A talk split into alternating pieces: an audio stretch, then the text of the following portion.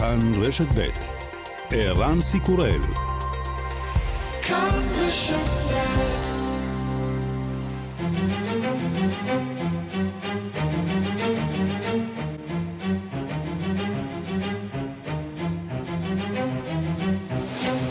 השעה הבינלאומית 12 בספטמבר 2022 והיום בעולם.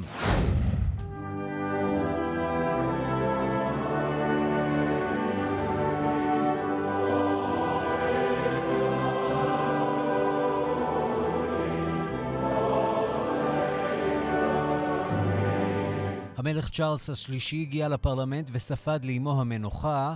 הוא התחייב לפעול למען שימור המערכת החוקתית במדינה. While very young, her late majesty pledged herself to serve her country and her people and to maintain the precious principles of constitutional government which lie at the heart of our nation.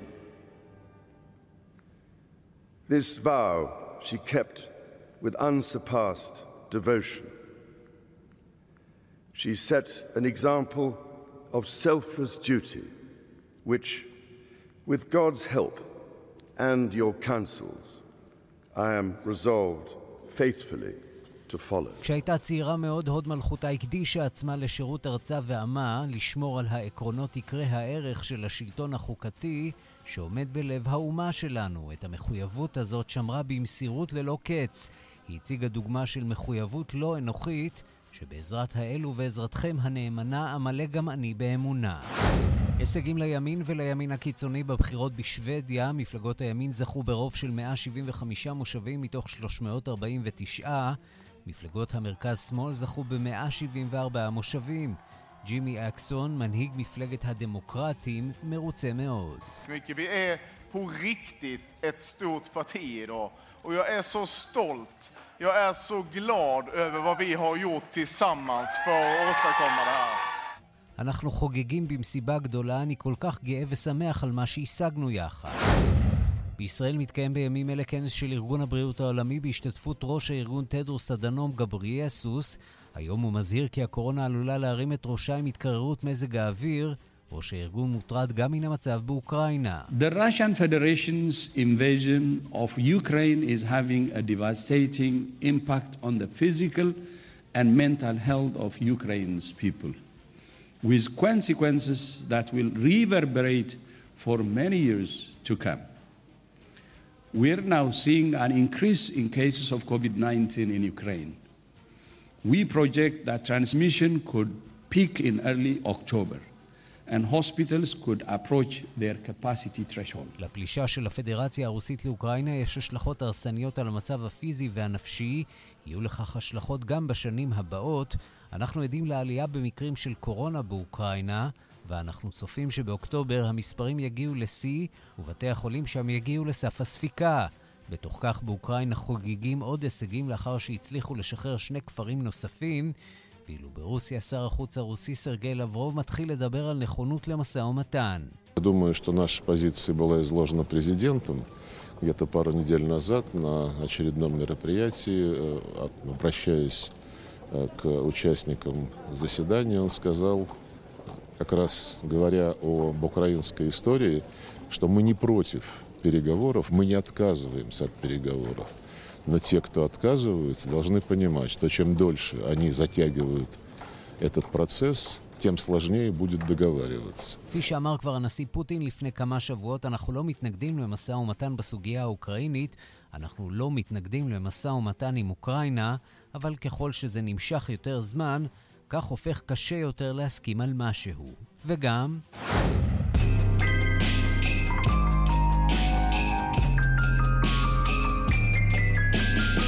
הערב בהוליווד טקס פרסי האמי בראש המועמדים הסדרה יורשים של HBO, משחק הדיונון של נטפליקס וניתוק של אפל עשויות להפתיע.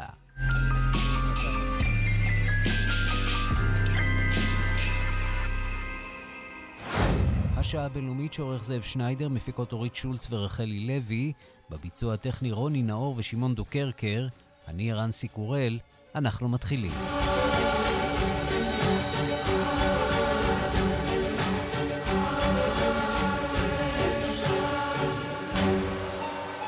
שלום רב לכם, אנחנו uh, פותחים בבריטניה, שם יום אבל רביעי, ונאום ראשון של המלך צ'ארלס כמלך החדש בפני חברי הפרלמנט ובית הלורדים הבריטי. הוא מתחייב להמשיך בדרכה של המלכה, מיד אחר כך יצאו המלך והמלכה קמילה לסקוטלנד, לעוד יום של אירועים סביב הלווייתה של המלכה אליזבת. שלום לדוב גילהר, שליחנו ללונדון. שלום ערן אה, מארמון בקינגהאם, אה, כאן ממשיכים עדיין ההמונים להגיע, אה, מאות האלפים. אנחנו רואים הררי זרי פרחים שמונחים ככה לזכר המלכה, לכבוד המלכה, עם פתקים אישיים, ויש בקשה של הארמון ביממה האחרונה, בבקשה לא להביא סנדוויצ'ים עם ריבה. למה אנשים למה סנדוויצ'ים עם ריבה? אה, זכור לך ודאי המערכון הנפלא, הסקץ' הנפלא שצילמה המלכה עם הדוב פדינגטון, שהוא אה, מראה לה בארמון שהנה הביא מתחת לכובע את, אה, את סנדוויץ' הריבה שלו, והיא המרמלייד, והיא שולפת את הסנדוויץ' מרמלייד מהתיק שלה. אז, אז אנשים לכבוד העניין הזה הביאו גם דובי פדינגטון וגם סנדוויץ' מרמלייד, ואז זה כנראה יוצר איזה מפגע תברואתי, ויצאה בקשה מהארמון, אם אפשר, פרחים כן, אה, דובים פחות, וסנדוויצ'ים של ריבה אה, לגמרי לא. פחות. אז זה כן. מה שקורה כאן. אה, בוא נחזור לסדר היום המלכותי, אין מה לומר, יש מלך חדש בממלכה, צ'ארלס השלישי, והוא מופיע בפני, לראשונה בעצם, כמלך בפני הפרלמנט הבריטי ובית הלורדים, והנה הדברים שהוא אומר שם, מיד נתרגם ונסביר מה ההקשר. הנה. As I stand before you today, I cannot help but feel the weight of history which surrounds us and which reminds us of the vital parliamentary traditions to which members of both houses dedicate yourselves with such personal commitment for the betterment of us all. אם תרשה לי קצת חנופה מצידו של המלך לחברי הפרלמנט, mm-hmm. כשאני עומד בפניכם היום, אני לא יכול שלא להרגיש את מסע ההיסטוריה שמקיפה אותנו ומזכירה לנו את המסורות הפרלמנטריות החיוניות שלהם חברי שני הבתים מקדישים את עצמם, והנה המחויבות שלו להמשיך את דרכה של המלכה מהבחינה הזאת שהוא יאפשר לפרלמנט כמלך את אה, חופש הפעולה. אה, הדמוקרטי, שנראה כדבר מובן מאליו, במיוחד ב-70 השנה האחרונות. זה לגמרי לא מובן מאליו בהיסטוריה הבריטית. אה, הוא בעצם כד קידה נכון. לדמוקרטיה הבריטית, ואומר, אני אה, מתכוון לאפשר את המלוכה החוקתית בבריטניה. הנה הדברים. While very young, her late majesty pledged herself to serve her country and her people, and to maintain the precious principles of constitutional government which lie at the heart of our nation. This vow she kept with unsurpassed devotion. She set an example of selfless duty, which, with God's help and your counsels, I am resolved faithfully to follow. כשהייתה צעירה מאוד, המלכה הקדישה את עצמה לשירות ארצה ועמה ולשימוע העקרונות המקודשים של ממשל חוקתי, מלוכה חוקתית, שהוא בלב האומה שלנו, היא שמרה על כך בנאמנות, ואני בעזרתכם והדרכתכם אני אשמור על כך באמונים. עכשיו, אני רוצה להחזיר אותך לרגע שבו יורש העצר צ'ארלס צריך לבחור לעצמו שם, איך ייקרא בתור מלך חדש, הוא ייקרא צ'ארלס, הוא ייקרא אדוארד, הוא יקרא ג'יימס או משהו אחר.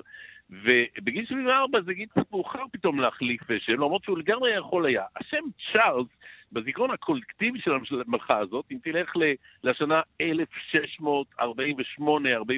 מדובר היה בצ'ארלס הראשון, mm-hmm. שהעם שנא אותו והיה דיקטטור גדול, והפרלמנט התעמת איתו, וזה נגמר בסופו של דבר ברצח המלך בידי הפרלמנט. הרפורמציה, ואחר כך של אוליבר קומבל. הפעם אפשר להניח שזה לא יקרה. בסיבוב הזה. אה, אז, אז אני אומר, מחיר הדמים הזה, ככה, השם הזה, הייתה התלבטות, בסוף צ'ארלס החליט, אני נשאר עם השם, צ'ארלס השלישי. ובלי קשר למה שקרה ב-1600, במאה ה-17, הוא אומר לחברי הפרלמנט, אני אהיה כמו אימא שלי. אה, מה שקורה עכשיו, אה, הזוג, המלכה קמילה והמלך צ'ארלס השלישי טסו לאדינבורו, טסים לאדינבורו, שם נמצא הארונה של המלכה אליזבת, הוא שר שם לחניית לילה, תהיה תפילה. הוא יקבל תנחומים מחברי הפרלמנט הסקוטי, אה, ושם האמסקוט יוכל לעבור על פני הארון במשך 24 שעות, וזה בעצם חברה גנרלית למה שקורה כאן החל מיום רביעי. הארון יוטס מחר הנה ללונדון, יהיה בארמון בקינגהם, לילה האחרון של המלכה בבקינגהם. ביום רביעי הוא יצעד את המייל המלכותי, שזה בעצם משהו כמו שני קילומטר בעצם, מארמון בקינגהם היא תצעד, לא תצעד, אלא תוסע בעגלה, ברכבה מיוחדת של אה, תותח מתנייד אה, ישן. אל אה, ווסטמינסטר, ושם במשך ארבעה ימים וחצי יוכל הציבור הבריטי בהמוניו לעבור על פניה. מה זה לעבור? זה יהיה תור ערן של קילומטרים רבים, עשרות קילומטרים, שאנשים, יש כבר אזהרה, אי אפשר יהיה לשבת לאורך התור הזה. אנחנו זוכרים שבלוויה של המלכה האם, זה לקח קרוב ל-48 שעות להגיע אה, עד, אה, למעשה עד לארונה של המלכה האם. כאן זה הולך להיות סיפור מסובך אפילו הרבה יותר. יש לך זיכרון טוב, זה נמשך 15 קילומטרים על פי אה, מה שאנשים אה, אה, יודעים לספר, ועכשיו זה יהיה הרבה יותר, ולכן נתנו ארבעה וחצי ימים, ולמשל, למה עשרה ימים בין הפטירה לבין ההלוויה והקבורה? כי העם רוצה להיפרד ממנה ואי אפשר אה, לסרב. זה יהיה כנראה התור הארוך בעולם. אם אתה מחפש איזה שיא לספר השיאים של גינס, אני אה, לא זוכר אה, תור ארוך מזה. אה, כנראה, אבל בוא נראה, זה עוד... במילים אחרות, אל תבלו את החופשה שלכם בלונדון אה, דווקא שם בתור הזה, חבל על הזמן, יש הרבה דברים אחרים שאפשר לעשות אה, בלונדון בזמן הזה. יש תור... יש תורים יותר קצרים. זה, זה נכון, מדאם טוסו למשל, ושם גם אפשר אה, לפגוש את דמותה של המלכה, אה, חיה כמעט. אתה, אתה, מרפרר לאיזה ציוץ של חברת כנסת יוצאת העלתה, ובה היא הנציחה את עצמה עם בת מותה של המלכה מחומר של שעבה. דב גילהר, שליח כאן אה, חדשות לאירופה, בלונדון. תודה רבה לך. בשמחה. הזכרנו את אה, דמותה של מדאם, של אליזבת השנייה במוזיאון מדאם טוסו. הדיוקן של המלכה אליזבת שהלכה השבוע לעולמה היה אחד הדיוקנאות הפופולריים בעולם. היו אמנים שזכו לצייר ולצלם אותה. וגם האם המלך החדש יזכה לפופולריות חזותית דומה? שלום למירי קרימולובסקי, חוקרת התרבות. שלום, שלום. אולי אני אתחיל רק להגיד מילה, שאני הייתי בלוויה של המלכה האם, זה היה קשה. אני מניח שהכנת הרבה אה, סנדוויצ'ים עם אה, מרמלדה אה, בתור. זה היה מאוד מרגש, זה היה מאוד יפה, ואז גם אמרתי, טוב, אבל נראה לי שהבת שלה לא תגיע כנראה לגיל 102, והנה עובדה היא לא הגיעה, אבל כן, היא הייתה מאוד פופולרית במראה שלה. אולי אני אחזור עוד רגע יותר אחורה בהיסטוריה. המלכה ויקטוריה הייתה הדמות המצולמת ביותר בעולם בתקופתה, טוב, כמובן שאז רק הומצא הצילום, וכמובן שהיא הייתה הראשונה להבין את הכוח שלו, ומיד דאגה להצטלם בכל צורה אפשרית, כולל עם הפרוטומה של אלברט, אה, בעלה המת, כן, שהיא כל הזמן הייתה לצידו לבושה בשחורים. אה, אליזבת, אה, כמובן שגם את צ'ארלס עכשיו יצייר דיוקנאי מאוד מאוד חשוב, וזה יהיה הדיוקן שיעבור גם למטבעות, לכל מה שצריך כמובן אה, את הדיוקן שלו. יחליפו את המטבעות, את השטרות של הלירות אה, סטרלינג אה, בדמותו של המלך, הבולים? נכון, בינתיים אפשר יהיה כמובן להשתמש, אבל יחליפו, זה ייקח זמן. כאמור, גם צריך למצוא את הדיוקן המדויק, אני אזכיר שזה גם בפרופיל, אוזניים, עניינים, לא פשוט, יחשבו הרבה מאוד איך עושים את זה. המלכה אליזבת, הצילום אולי הראשון המפורסם שלה, זה ססיל ביטון, הצלם שצילם אותה בהכתרה בצורה כל כך חכמה. זה צילום מאוד מפורסם, עכשיו ראו אותו בכל הרשתות ובכל העיתונים באנגליה ובכל מקום. היא יושבת בכוונה לא מדויק על הכיסא, הוא מושיב אותה, שיראו איזה כיסא יפה והכתר, וברקע בארט אוף פוקוס, הכנסייה, האבי, שיבינו שהיא כמובן גם שולטת בכנסייה, איזה צילום חכם. אגב, רק מילה על ססיל ביטון, היה אה, הומוסקסואל מקסים, גם יצא מהארון בקלות בכלל בלי לפחד.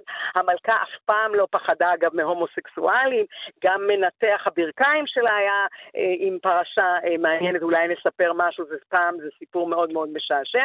וססיל ביטון לימים עשה את הסרט אה, גבירתי הנאווה עם הבגדים הנהדרים של אה, הפורן וכולי, זה אותו הצלם של המלכה. לוסיאן פרויד, שני הקשרים אולי יהודיים, לוסיאן פרויד עם הדיוקן החריף שלה, שהיא, רק בגלל שזה לוסיאן פרויד, האומן הכי חשוב של אנגליה בעידן המודרני, היא נתנה לו לצלם אותה והוא תפס אותה, וואו, באיזה צורה חריפה, אבל היא לא פחדה להציג את הצילום. ועכשיו האתגר הגדול הוא איך אה, מעבירים את כל היצירתיות הזאת אה, למלך, אה, למלך צ'ארלס. נכון, זה לא נשאר, פשוט, אבל אני... כן, לא נשאר לו נכון. דרך ארוכה של שינויים אה, בתקופת אה, מלכותו. נכון, אני אולי אזכיר שהצילום הכי מפורסם מעכשיו אה, הוא של, שוב, הנקודה היהודית של קריס לוין, שצילם אותה והיא נראית עם, עם הכתר הנפלא ופרווה לבנה ועיניים עצומות, והוא פשוט סיפר שהוא הושיב אותה במקום מאוד מואר, ואז הגיעה השמש השובבה, שלחה קרן, והמלכה סגרה את עיניה ויצאה כאילו היא עושה מדיטציה. בואו נשמע את קריס לוין. When I, when I, was first commissioned, it was a daunting prospect. You know, the Queen, the most portrayed woman in history. I asked if man would like to rest in between shots. That'd be fine. Just I was conscious of all the light onto her. So she closed her eyes, and that was the moment. It was, you know, I didn't go in there to, to capture that moment, but being so tuned to meditation at the time, you know, in that moment of calmness, you know, there's a kind of vibration to it, and which we all resonate at. כן, אז הוא אומר, כולנו הרגשנו את הרוך שלה בצילום. אני מניחה שהיהודי הזה כנראה יעשה גם צילום מבריק של המלך החדש, המלך צ'ארלס. נחכה ונראה כמובן. כן, והשבוע אה, המלכה אליזבת אה, עצמה את עיניה, והפעם אה, לנצח. מירי קרימולובסקי, תודה. תודה לך, ערן. וברחבי העולם כבר נערכים לשיגור משלחות להלווייתה של המלכה בשבוע הבא. את ארצות הברית ייצגו הנשיא ביידן ורעייתו. שלום לכתבנו בוושינגטון, נתן גוטמן. שלום ערן. לא משלחת אמריקנית אה, גדולה. אה, הסיפור הזה אה, מאוד סבוך מבחינת הגעה ללוויה. יש בכלל דיווחים על כך שחלק מהמנהיגים, אולי אפילו כולם, ייאלצו להגיע לאיזשהו חניון ומשם להגיע באוטובוסים. התרחיש הזה מציאותי, שבו ג'ו ביידן אה, תופס אה, אוטובוס להלוויה של המלכה אליזבת? זאת אחת השאלות שצריך אה, לברר כרגע, כי אה, לפחות באופן רשמי מתברר שההנחיות של בית המלוכה הם שכל ראשי המדינות מתבקשים להגיע בטיסות מסחריות. רמז, זה לא הולך לקרות, ג'ו ביידן לא מתכוון לתפוס טיסה של דלתא מוושינגטון ללונדון, ו...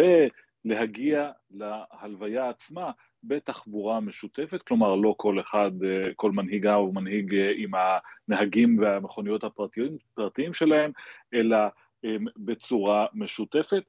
בארצות הברית כמובן זה לא דבר שמקובל או דבר שהסיקרט סרוויס יכול להסכים לו בקלות, כך שנצטרך לראות איך בדיוק זה יסתדר. יש כמובן מקרים שבהם גם נשיא ארצות הברית נוסע במשותף עם אחרים, זה מאוד נדיר וזה כמובן יהיה שאלה של סידורי אבטחה, זה אחד מהכאבי ראש שהאירוע הזה מזמן מבחינה לוגיסטית לאמריקנים. כאב ראש אחד שכבר נפתר הוא השאלה מי יגיע מטעם ארצות הברית להשתתף בהלוויה, כי בית המלוכה שיגר הזמנות אישיות, לא הזמנות כלליות, וההזמנה האישית הייתה לנשיא ביידן ולרעייתו ג'יל. זה מאוד שונה מאירועים אחרים, הרבה משווים את זה כאן להלוויה הממלכתית אה, אה, של אה, מנהיג דרום אפריקה נלסון מנדלה, כאשר ארצות הברית מתבקשת להביא משלחת, ואז הנשיא עומד בראש משלחת, הוא בוחר את מי להביא עמו, כאן ההזמנה הייתה אישית, זה פותר קצת בעיות, כי אז לא צריך להחליט מי בא עם הנשיא ומי לא, ואגב, גם איזו שאלה שולית של האם ביידן היה צריך להזמין את קודמו, דונלד טראמפ, לבוא עמו להלוויה, עכשיו כבר אין שאלה כזאת, כי האופציה הזאת לא פתוחה בפני האמריקנים. כן, ואתמול uh, ציינו uh, בארצות הברית uh, 21 שנה לאירועי 11 בספטמבר, מתקפת הטרור על ארצות הברית, וגם לשם הפרידה מהמלכה הצליחה למצוא מקום. כן, הנשיא ביידן בנאום שהוא נשא בפנטגון, באתר שבו התרסק אחד המטוסים, ביקש לקשור אולי קצת בין האירועים והזכיר לציבור את הפנייה של המלכה אליזבת לעם האמריקני אחרי הפיגועים, את המכתב ששלחה כדי לחזק את האומה האמריקנית באותה באותה שעה קשה של הציבור, אבל עיקר הנאום של ביידן ניסה דווקא לקשור בין מה שהוא קורא העבר והעתיד, הוא אומר היום הזה הוא לא על מה שהיה אלא מה שיהיה, והוא קושר את הזיכרון של אירועי הטרור של ה-11 בספטמבר למאבק הנוכחי שלו, שהוא מנהיג ושאמריקה נמצאת בו, הם למען הדמוקרטיה ולמען שמירת החירויות. הנה קטע מהדברים שלו אתמול בנאום בפנטגון. No terrorist could touch the wellspring of American power, and it falls to us to keep it safe on behalf of all those we lost 21 years ago, on behalf of all those who have given their whole souls to the cause of this nation every day since. That's a job for all of us. It's not enough to gather and remember each September 11th those we lost more than two decades ago, because on this day, it is not about the past, it's about the future. We have an obligation, a duty, a responsibility to defend, preserve, and protect our democracy. על, על כולנו מוטלת החובה, אומר הנשיא ביידן, להגן ולשמור על הדמוקרטיה שלנו. היום הזה הוא לא על העבר, אלא על העתיד. דברי הנשיא בטקס השנתי לציון פיגועי הטרור של ה-11 בספטמבר. כתבנו בוושינגטון, נתן קוטמן, תודה. תודה רבה. השעה הבינלאומית אנחנו למלחמה באוקראינה. גורם ממונה מטעם שלטונות הכיבוש הרוסיים אישר הבוקר שהכוחות האוקראינים כבשו יישובים מצפון לחרקיב והם מתקדמים לעבר הגבול הבינלאומי עם רוסיה. נשיא אוקראינה וולודמיר זלנסקי בירך הלילה את צבאו על מה שכינה ההישגים המרשימים בחזית. ויש לו גם מסר לכובש הרוסי, למקרה שעדיין לא הבנתם, אתם לא תצליחו להפחיד אותנו. הדיווח של כתבת חדשות החוץ, נטליה קנבסקי. 11 вересня Коптівка перейшла під контроль Збройних сил України. 130-й БАТ передає привіт всього народу України. Наше завдання Слава Україні! ב-11 בספטמבר אופטיבקה חזרה לשליטת הכוחות האוקראיניים, גדוד 130 שולח את ברכותיו לכל העם האוקראיני, משימתנו הושלמה, תהילה לאוקראינה, תהילה לגיבורים. הכרזות מן הסוג הזה אפשר בימים האחרונים לראות בכלי התקשורת וברשתות החברתיות באוקראינה, כשיותר ויותר ערים ועיירות חוזרות לחיק מדינתן, לניצחונות הצבאיים של האוקראינים בימים האחרונים, שבהם כבר שחררו כשלושת אלפים קילומטרים מאדמתם, יש כמובן מחיר. צבא רוסיה הפציץ הלילה יעדים בפאתי חרקוב, קווי חשמל ותשתיות אזרחיות נפגעו. בתגובה על פעולות הנקם האלה פרסם נשיא אוקראינה ולדימיר זלנסקי תגובה חריפה בערוץ הטלגרם שלו, כפי שמצטטים הבוקר הערוצים האוקראיניים. ודוסי думаєте, що ми один народ? Ви досі думаєте, що можете нас налякати, зламати, схилити до поступок? Ви справді так нічого і не зрозуміли? Не зрозуміли? האם אתם עדיין חושבים שאנחנו עם אחד? אתם עדיין חושבים שאתם יכולים להפחיד אותנו, לשבור אותנו, לגרום לנו לעשות ויתורים? באמת לא הבנתם כלום? לא הבנתם מי אנחנו, בעד מה אנחנו, על מה אנחנו מדברים? קראו את שפתיי, בלי גז או בלעדיכם, בלעדיכם, בלי חשמל או בלעדיכם, בלעדיכם, בלי מים או בלעדיכם, בלעדיכם, בלי אוכל או בלעדיכם, בלעדיכם. קור, רעב, חושך וצמא אינם מפחידים וקטלניים בעבורנו כמו החברות והאחווה שלכם, כתב נשיא אוקראינה והוסיף, הזמן יחזיר הכל למקום, יהיה לנו גז, חשמל, מים ואוכל, וכל זה בלעדיכם. הצילומים שמפרסמים בימים האלה בערוצים האוקראיניים, אך גם התושבים המקומיים, מתעדים את הבריחה המסיבית של החיילים הרוסים באזורים שבהם מרכז צבא אוקראינה את התקפת הנגד שלו, בעיקר בפאתי חרקוב ובאזור חרסון.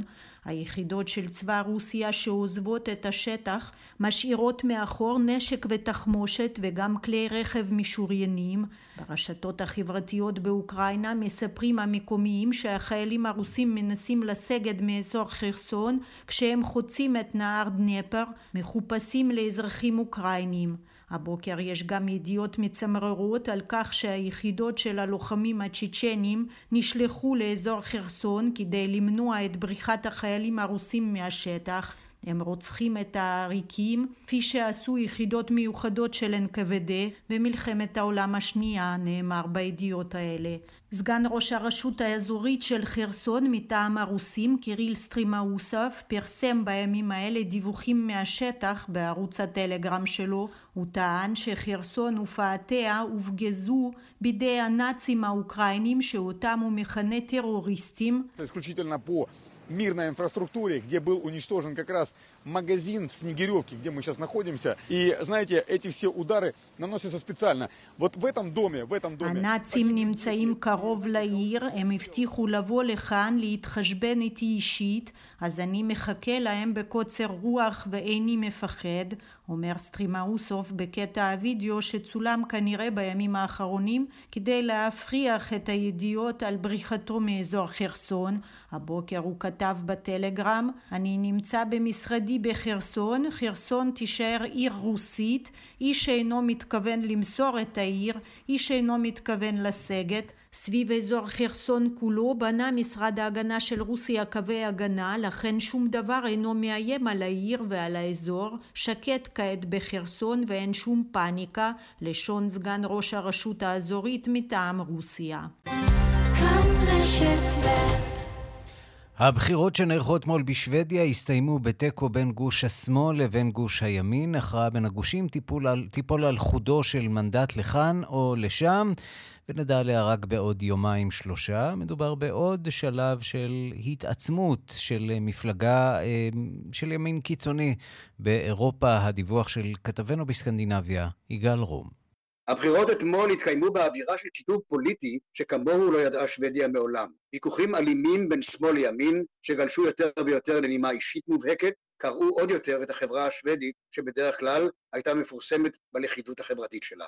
מצד אחד, גוש השמאל במפלגה הסוציאל דמוקרטית נאבק לשמור על השלטון שבידו בשמונה השנים האחרונות. ומולו מתחזק והולך גוש הימין, בעיקר עם מפלגה ימנית מובהקת, מפלגת השוודים דמוקרטים, ומפלגות ימין לייט כמו המתונים, השמרנים והליברלים. הרקע לבחירות היה גל האלימות שמקורו בכנופיות פשע בעלות רקע מוסלמי ששוטף את שוודיה בשנים האחרונות.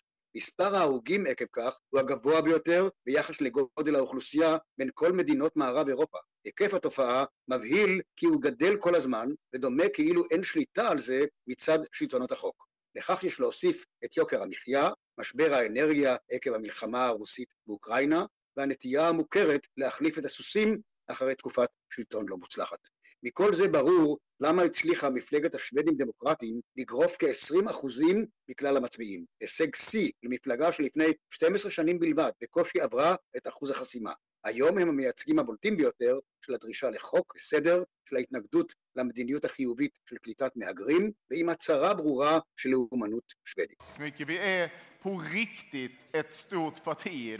Och jag är så stolt. Jag är så glad över vad vi har gjort tillsammans för att åstadkomma... כך אומר ג'ימי אוקרסון, ראש המפלגה השוודים דמוקרטים. ג'ימי אוקרסון, אחרי שנודעו לו תוצאות המדגם, היה במצב רוח מרומם. אנחנו כעת ממש מפלגה גדולה, אני גאה ומאושר ממה שהצלחנו להשיג הפעם. יש לו סיבה טובה למצב רוח טוב. אחרי שנים שבהן מפלגתו נחשבה מוקצת מחמת מיאוס והוחזקה בבידוד מוחלט בפרלמנט, הוא היום מועמד להשתתף בקואליציה עם גוש הימין, ואולי אפילו להיכנס לממשלה. זה היה האיום הגדול ביותר, אולי המדרבן החזק ביותר, להצביע שוב דווקא בעד הסוציאל דמוקרטים. בראשם מגדלנה אנדרסון, האישה הראשונה בתולדות שוודיה בתפקיד ראש הממשלה, מאוד פופולרית והרבה יותר מאשר המפלגה שהיא עומדת בראשה. מאחוריה שמונה שנים כשרת האוצר, ולכן היא נתפסת כמי שיכולה טוב יותר מאחרים להתמודד עם משבר האנרגיה. בזכותה שמרו הסוציאל דמוקרטים על מעמדם כמפלגה הגדולה בפרלמנט עם למעלה מ-30 אחוזים. מפלגתה סיימה כאמור את הבחירות בתיקו. מנדט שמאלה או ימינה יכריעו מי ירכיב את הממשלה הבאה. אבל למרות התיקו, היא יכולה הייתה להיות מרוצה אמש. Det är en fråga om respekt för vår demokrati. Den måste få ta den tid det kräver. כולנו חייבים כעת להיות צנועים וסבלניים, היא אומרת, עד שתיגמר ספירת הקולות. כל קול עשוי להכריע כאן, כי המרחק בין ימין לשמאל נמדד הפעם באלפים, אולי אפילו במאות לכאן ולכאן. בכל זאת, מי יהיה ראש הממשלה?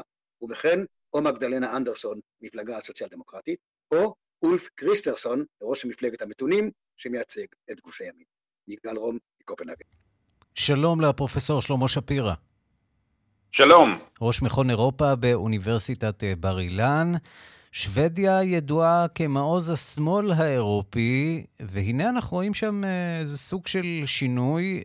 האם מדובר בשינוי עומק?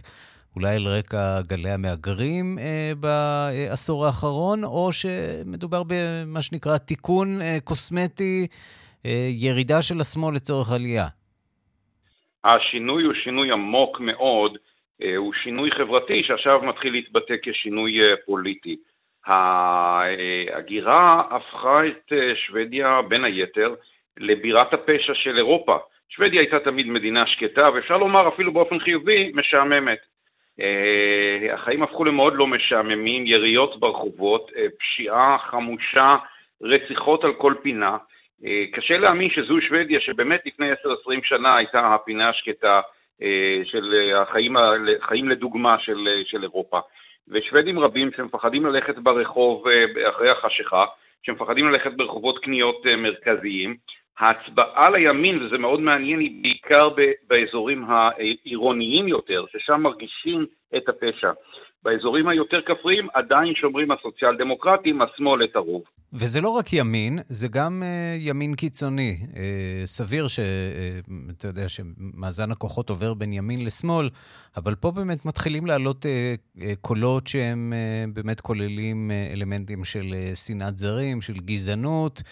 אה, זה די צריך להטריד את האירופים, לא כן? דווקא פה אני נזהר, ויש לומר שמפלגת הדמוקרטים השוודים, אה, שכנראה קיבלה כ-20% מן הקולות בבחירות, באמת שורשיה נעוצים בתנועה מאוד לאומנית, מאוד אה, לבנה, אם אפשר לומר. אבל בשנים האחרונות, ואולי זה בכוונה להיכנס לממשלה, היא, היא סילקה הרבה גורמים קיצוניים משורות המפלגה. קשה, קשה לומר שזה ימין קיצוני, אבל בוודאי שזה ימין אה, מובהק, וזה מתחבר לטרנד בכל אירופה, שזה לא רק עניינים של הגירה, כמובן שגם משבר הקורונה וגם המלחמה באוקראינה, הכל אה, משפיעים ביחד. עצם העובדה שראינו בחודשים האחרונים את אה, שוודיה, מדינה שבמשך עשרות אם לא מאות שנים נטתה להיות אה, אה, לא מעורבת בקונפליקטים אירופיים, נייטרלית, פתאום רצה, רצה ממש להצטרף לנאט"ו אה, בעידוד גדול של האוכלוסייה, זה מראה את עוצמת השינוי. ואולי זה דווקא מראה על uh, עוצמת המעורבות הרוסית במערכות הבחירות uh, באירופה. יש לא מעט דיבורים, למשל, על uh, איטליה, שתקיים uh, בחירות uh, ב- בשבוע הבא, uh, על כך uh, שהרוסים במידה רבה עוזרים אה, במרכאות ברשתות החברתיות אה, למלוני, לנציגת הימין הקיצוני שעשויה להפוך בשבוע הבא לראשת אה, ממשלת איטליה. יכול להיות שיש כאן ניסיון אפילו ממזרח לפורר את האיחוד האירופי? אולי זה, זה, אולי זה טיפה מוגזם לומר לפורר את האיחוד האירופי, אבל אין שום ספק ששירותי המודיעין הרוסים, אה, גופים חשאיים מרוסיה וברוסיה אה, פועלים ברשת כל הזמן כדי להשפיע על בחירות. זה התחיל כבר ב-2016 בארצות הברית, וזה מאוד מאוד מתחזק באירופה. אה, ודרך אגב, גם אנחנו בישראל שעומדים לפני בחירות צריכים להיות מאוד מודאגים מהיכולות גם הטכניות וגם התקשורתיות של, של השפעות כאלה.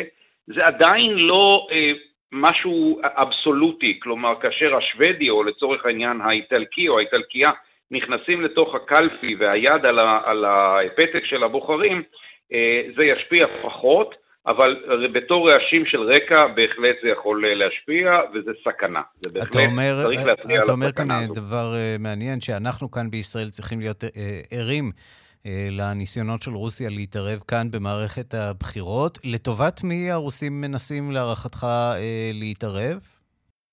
אינני יודע לטובת מי הם מנסים אה, להתערב, ובוודאי יודעים אה, אנשי מקצוע שיושבים על הרשתות כל הזמן ורואים איזה מסרים ישיר, ישירים ובעיקר עקיפים יוצאים אה, משם, אבל אין שום ספק שהרוסים יש להם את היכולות הטכנולוגיות, ואם הם מתערבים בצורה כזו בשוודיה, באיטליה, גם במקומות אחרים, אה, גם אנחנו אה, בקו היורים, במרכאות כפולות, אה, וצריכים להיות מאוד ערים לכך. פרופסור שלמה שפירא, ראש מכון אירופה באוניברסיטת בר אילן, תודה רבה לך. תודה לכם. השעה הבינלאומית אנחנו מבקשים אה, להתעדכן אה, באפשרות לנחיתת אה, חירום בנמל התעופה בן גוריון. מדובר במטוס של ישראייר ממונטנגרו. שלום לשרון עידן, כתבנו לענייני תחבורה. במה מדובר? כן, רן, מדובר על אה, מטוס אה, מדגם ארבע 320 של ישראייר שמגיע מטבעת, כמו שאמרת, שבמונטנגרו. אה, ככל הנראה התקלה שעליה אנחנו מדברים היא איזושהי תקלת בלמים וכאן נסע, כלומר אותו כאן שכמובן מחזיק את גלגלי הנחיתה, אנחנו לא יודעים בדיוק כמובן מה התקלה, אבל צריך לומר שהמטוס הוא מטוס מלא, יש בו 172 נוסעים ואנשי צוות שהמריאו לפני כשעתיים וחצי ממונטנגרו לישראל. ב-20 הדקות האחרונות, ערן, אה, המטוס הזה עושה לא מעט סיבובים אה, באוויר, ובעצם אה, שורף דלק, אם תרצה, כדי להגיע לנחיתה כמה שיותר ריק, כדי שאם חלילה תהיה באמת בעיה בנחיתה עם הבלמים או עם אותו קנסה, כמובן שאנחנו רוצים שיהיה כמה שפחות דלק במטוס בשלב הזה. כרגע אנחנו מדווחים שהמטוס אמור לנחות בעוד כחמש דקות, יש לנו לא מעט כוחות גם של מגן דוד אדום שהגיעו אה, לאזור הזה אה, של נתב"ג ונערכים כמובן, אה, ונקווה ש, אה, שכל ההיערכות תהיה שלא לצורך, אבל כמובן שלא לוקחים סיכונים במצבים כאלה, מדובר על חירום של מטוס ישראלי של ישראייר ב-320 ממונטנגרו לתל אביב, לנתב"ג, 172 נוסעים על סיפונו, ותקלה כנראה גם במערכת הבלמים וגם בכאן הנס הקדמי, אה, שמאלצת את הטייסים כאמור להיכנס לנחיתת חירום, כנראה להגיע ממש לנסוע על כל המסלול בנחיתה, ולקוות שכמובן הכל ערן יעבור בשלום. אנחנו ממשיכים לעדכן בשידורי uh, כאן, רשת ב' uh, וכאן. Uh, תודה רבה לך, שרון עידן. תודה, ערן. כאן חדשות. מאלי דורשת שחוף השנהב תסגיר לידי הפעילים פוליטיים שברחו מהמדינה מחשש מפני השלטונות, רק לאחר שהפעילים יוסגרו, תסכים במקו לשחרור חיילים של חוף השנהב שנעצרו במאלי בחודש יולי האחרון. הדיווח של עורכת ענייני אפריקה, רינה בסיסט. לפני שלושה חודשים נכנסה לטריטוריה של מאלי קבוצה של 49 חיילים מחוף השנהב. למה הם עברו את הגבול? הדעות חלוקות. חוף השנהב טוענת כי החיילים פעלו בשירות מינוסמה, כוח האו"ם לשמירה על השלום. הם גם טוענים כי השלטונות במאלי יודעו על כך מבעוד מועד. במאלי טוענים כי לא היה ולא נברא.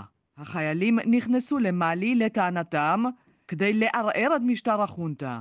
טוגו מנסה לתווך בין הצדדים, אבל בינתיים ללא הצלחה גדולה. ההורים של החיילים מיואשים.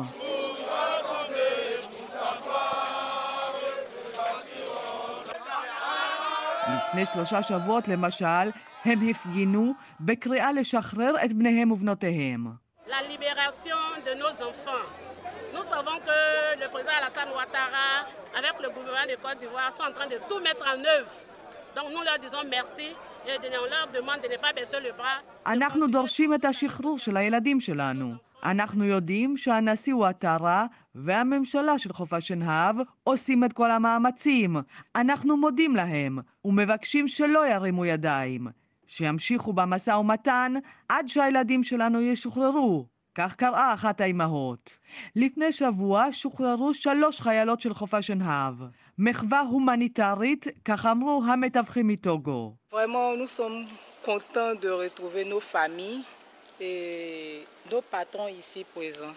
Même si nous sommes tristes de... באמת אנחנו שמחות כל כך להתאחד עם המשפחות שלנו, שחלקן כאן היום בשדה התעופה. אנחנו כמובן עצובות, כי החברים שלנו נשארו שם, אבל מקוות לראות אותם שוב בקרוב מאוד. כך אמרה לתקשורת אחת החיילות המשוחררות. הפרשה מסובכת מאוד. פורסם בצרפת כי מאלי דורשת שחוף השנהב תסגיר לידיה פעילים פוליטיים שברחו מהמדינה כשהחונטה עלתה לשלטון. באביג'אן לא מוכנים אפילו לדבר על עסקה כזאת, שמהווה מבחינתם סחטנות. החיילים שלהם, כך הם אומרים, נחטפו בידי החונטה.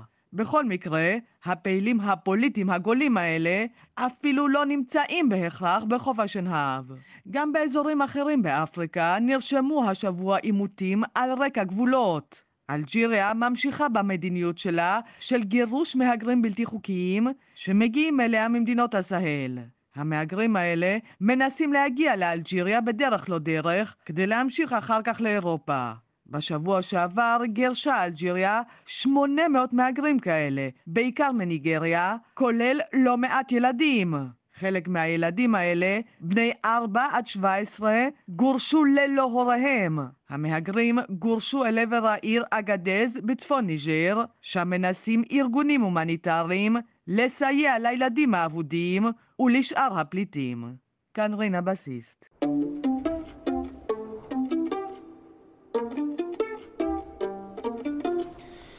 וברקע אריאנה גרנדה, שלאחרונה לא כל כך אה, מוציאה שירים. עכשיו אנחנו גם מבינים למה היא עסוקה מאוד בצילום אה, סרט אה, חדש, עיבוד לקלאסיקה מברודוויי, וויקד, שם היא מגלמת את גלינדה המכשפה הטובה. זה יצא בשנה הבאה, ובעוד שנתיים שני סרטים בזה אחר זה. לפיכך הזמרת מתעכבת בהוצאת השירים הבאים שלה, אבל היא מבטיחה הם בואו יבואו.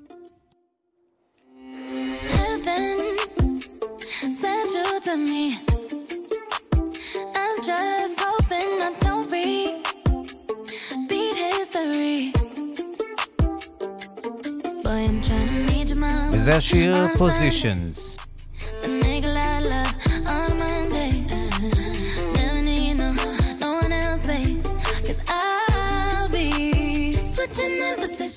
ועם אריאנה גרנדה אנחנו חותמים עוד מהדורה של השעה הבינלאומית שערך זאב שניידר, המפיקות אורית שולץ ורחלי לוי, הטכנאים רוני נאור ושמעון דוקרקר, אני רנסי קורל.